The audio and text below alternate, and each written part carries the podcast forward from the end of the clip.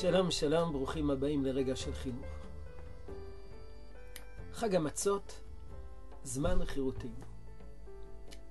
ושואלים, השנה זה חירות?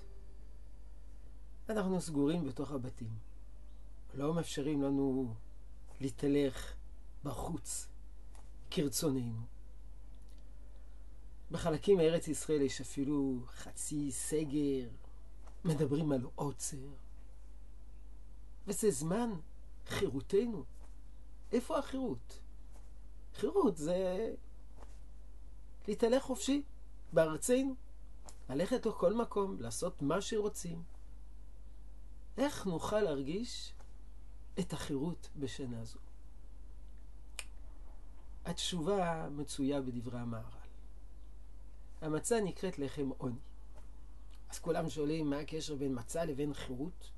אם מצה היא לחם עוני, אז במה מתבטא החירות שבמצה?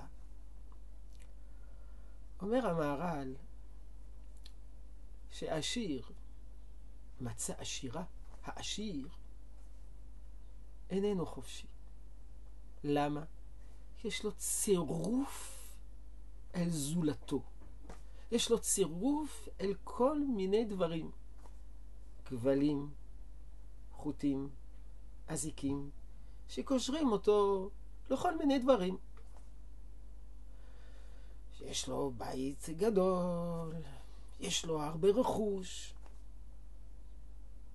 ואומנם הרכוש הזה מעניק לו אפשרויות רבות, אבל הוא גם כבול. הוא גם כבול לכל הרכוש שלו. העני, אומר המהר"ל, יש לו אך ורק את עצמו. כאין זו, כאין זה, המצה, לחם עוני, יש בה אך ורק קמח ומים. היא עצמה. אין בה משהו עודף, אין בה משהו נוסף. כי אני שאין לו אלא עצמו, ואין לו ממון רק עצמו וגופו. והמצה גם כן, כאשר אין בה רק עצם העיסה, שעצמות העיסה הוא המים והקמח, וזהו עצמות העיסה, ובזה הווה לחם עוני. המצה מסמלת את החירות, את ההשתחררות מכל הדברים שאנחנו כבולים אליהם, שאנחנו מדמיינים לעצמנו שאנחנו לא יכולים להסתדר בלעדיהם. אז השנה צמצמו לנו את המרחב אה, כדי אולי להבהיר לעצמנו שהעיקר זה אנחנו בעצמנו. לחם עוני. העצמות, העצמיות, בלי כל המעטפות שמסביב, בלי כל המסגרות שמסביב, בלי כל הטריטוריה והפריפריה שמסביב, הרכוש והנורמות